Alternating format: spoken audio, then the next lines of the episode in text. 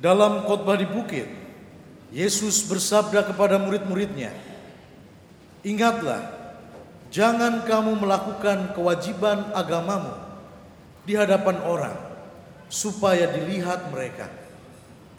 Karena jika demikian, kamu tidak beroleh upah dari Bapamu yang di surga. Jadi, apabila engkau memberi sedekah, janganlah engkau menggembar-gemborkan hal itu seperti yang dilakukan orang munafik di rumah-rumah ibadah dan di lorong-lorong supaya dipuji orang. Sesungguhnya aku berkata kepadamu, mereka sudah mendapatkan upahnya. Tetapi jika engkau memberi sedekah, janganlah diketahui tangan kirimu apa yang dilakukan tangan kananmu. Hendaklah sedekahmu itu diberikan dengan tersembunyi. Maka Bapamu yang melihat yang tersembunyi akan membalasnya kepadamu.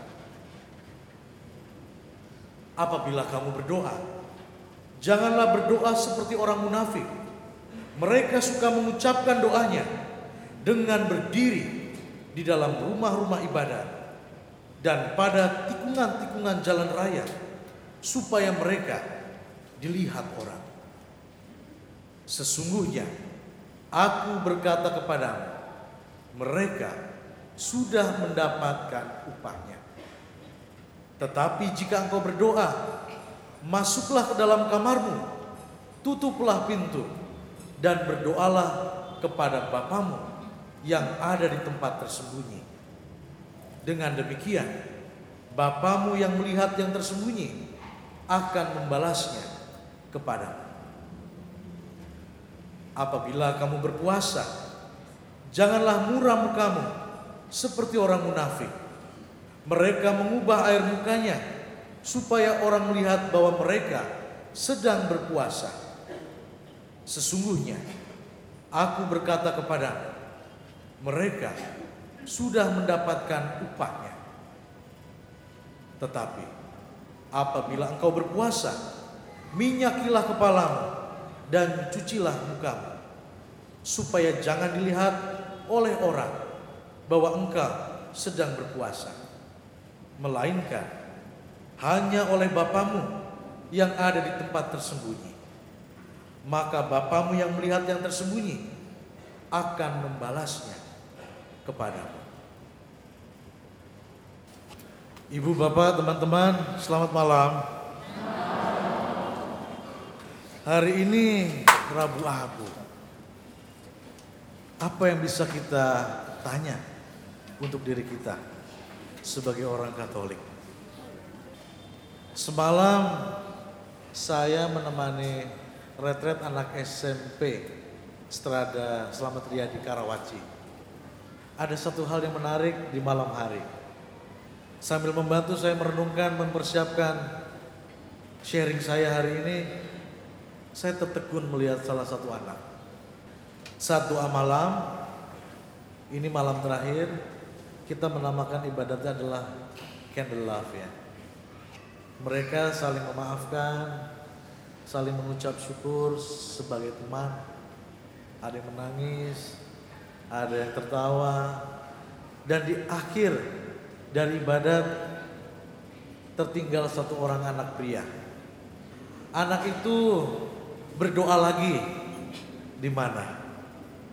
Di depan patung Pieta. Patungnya nggak terlalu bagus, cuman ada lilinnya di sana. Lalu saya memotretnya.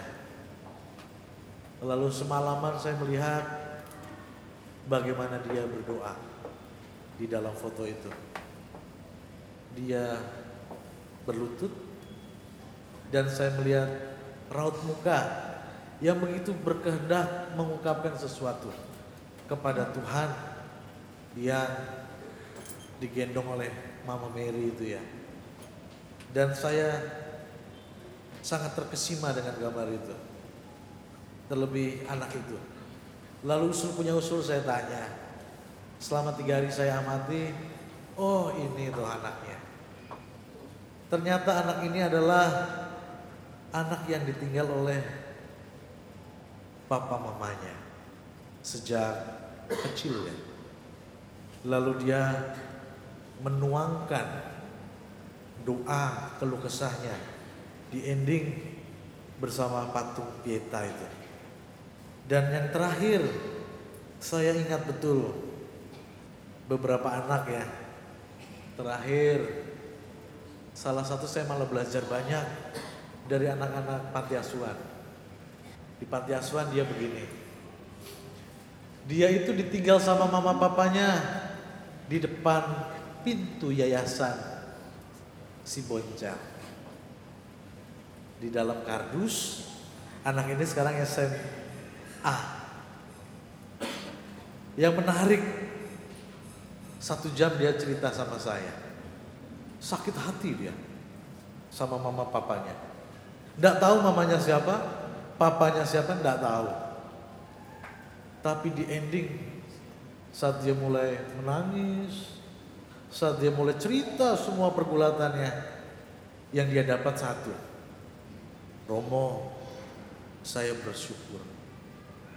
Masih banyak orang-orang yang peduli sama saya. Yang peduli siapa? Para suster, donatur-donatur di panti asuhan itu. Dan saya semakin percaya, meskipun tanpa ayah dan ibu, saya tetap bersyukur loh. Kenapa? Saya masih punya Tuhan Yesus yang mencintai saya. Wow, saya mendapat jawaban itu dari seorang anak SMA. Dan bagi saya, melampaui saya juga. Ibu bapak mengawali Rabu Abu ini saya cerita dua kisah tadi. Kisah anak-anak yang broken. Tetapi di dalam kebrokenannya dia mempunyai kekuatan. Kekuatan apa? Kekuatan memaafkan atas apa yang terjadi di dalam hidup mereka. Rabu Abu, apa yang bisa saya maknai? Ini pemaknaan saya ibu bapak memiliki makna yang berbeda mungkin. Tahun ini setiap retretan selama setahun kadangkala seminggu saya bisa memberikan sakramen pengakuan 200 sampai 300 anak ya. Saya pastor sendiri loh. Lalu itu ternyata mengubah saya. Mengubah saya melihat sudut pandang dosa. Kita kadang-kadang melihat masa prapaskah dan Rabu Abu hanya sekedar melihat dosanya. Aku berdosa, aku berdosa. Yes. Tetapi saat saya mendengarkan mereka selama setahun, pengalaman di rumah retret itu mengubah saya sungguh. Melihat sudut pandang angle yang berbeda. Dulu saya melihat kalau pengakuan dosa, wih dosa, dosa, dosa, dosa, pusing kepala. Tetapi sekarang kalau saya mendengarkan anak-anak itu ya, SD, SMP, SMA, kuliah, Bapak Ibu juga, dari Senin sampai Minggu, saya melihat sudut pandang yang agak berbeda. Ternyata yang diomongkan dalam sakramen pertobatan bukanlah dosa. Saya menamakan itu adalah dialog hati. Hati siapa? Hati Tuhan dan hati manusia yang bertemu. Tuhan yang selalu mencintai kita seburuk apa pun kita. Dengan dosa yang paling kecil sampai yang paling besar. Ia mengampuni. Dan saya belajar memaknai sakramen pengampunan dosa bukan sakramen pengampunan dosa. Saya memaknai sebagai sakramen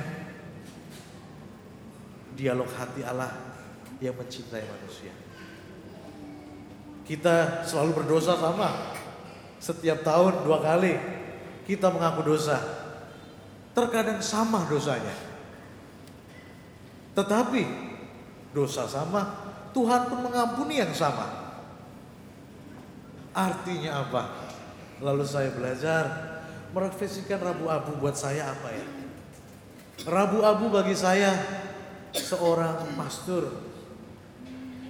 yang di rumah retret adalah saya sebagai manusia yang rapuh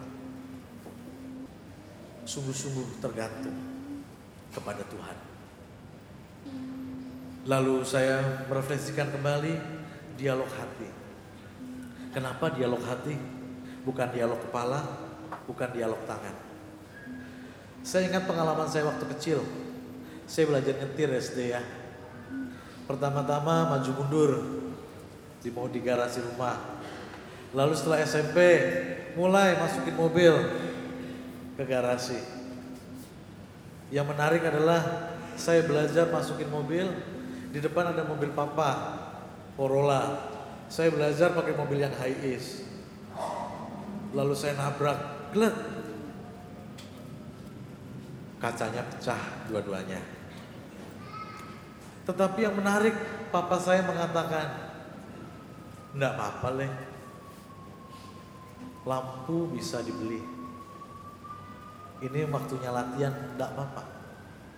Kamu belajar salah, enggak apa-apa. Ini masih bisa diperbaiki. Berbeda dengan halnya siapa? Saya mau cerita sahabat saya, Frater Hari. Frater Hari belajar nyetir mobil. Di sini ya. Lalu dia nyerempet. Yang terjadi apa? Dimarahin. Dimarahin sama siapa? Sama Romo War. Akhirnya apa? Akhirnya Frater Hari stres, merasa guilty, bersalah, dan habis itu nggak mau latihan lagi. Lalu saya katakan, take it easy ha. Sama saya aja nanti. Ternyata pengalaman kita berbeda ya. Hasilnya, resultnya berbeda. Hari masih nggak bisa nyetir. Romo Advent sejak SMP sudah bisa. Karena kenapa? Ternyata saya membayangkan dialog hati adalah seperti ini. Kalau dialog reason, akhirnya, ih kamu nyerempet mobil, ini belum diasuransi, biayanya mahal. Pakai reason. Tetapi saya belajar dari papa saya. Nabrak, dua kaca pecah. Masih baru. Lalu papa saya bilang, cuman diam aja. Mungkin dia mikir, kalau marah akibatnya ini nih. Tapi kalau saya katakan satu lagi mungkin berbeda. Papa saya mengatakan, enggak apa. Namanya belajar, saatnya salah. Yang penting kamu enggak apa-apa. Lampu masih bisa dibeli selagi kita masih punya uang. Enggak apa-apa. Nyawamu lebih berharga daripada lampu. Nah, Ibu Bapak, saya membayangkan selama 40 hari ke depan kita melakukan repentance. Pertobatan, silih atas dosa kita. Dan saya ingin menggambarkan ada dialog hati antara Tuhan dan kita manusia. Dialog mengandaikan dua pribadi berbicara satu sama lain. Tidak mungkin terjadi dialog kalau hanya Tuhan yang turun. Kita harus rendah hati, mengakui kekurangan, dan Tuhan yang akan membebaskan semuanya. Ibu bapak, hari ini mari kita bertanya di dalam hati kita, maukah aku belajar untuk berdialog dengan hati dengan Tuhan. Kadangkala kita berdialog dengan Tuhan pakai reasonnya. Tuhan aku mau A, aku mau B, aku mau C. Kenapa Tuhan ini begini? Kenapa Tuhan itu begitu? Tetapi selama prapaskah ini, mari kita coba berdialog dengan hati. Hati Tuhan yang suci, hati Tuhan yang murah hati, hati Tuhan yang memaafkan. Dan biarlah kita sendiri juga berdialog dengan dia. Seperti siapa? seperti anak-anak yang bagi saya memberi pembelajaran buat saya. Anak-anak ini nggak punya bapak ibu, tetapi di satu sisi dia memberi pelajaran pada saya. Dia mengatakan, meskipun saya nggak punya papa mama, saya bersyukur Romo. Saya masih punya Tuhan dan masih banyak orang-orang yang mencintai saya dan membantu saya. Ibu bapak dan teman-teman, mari kita sekarang ini sejenak kita bertanya di dalam hati kita dan hal apa yang ingin kupersiapkan kepada Tuhan, ingin kuberikan pada Tuhan selama 40 hari ini sampai kebangkitannya nanti. Amin.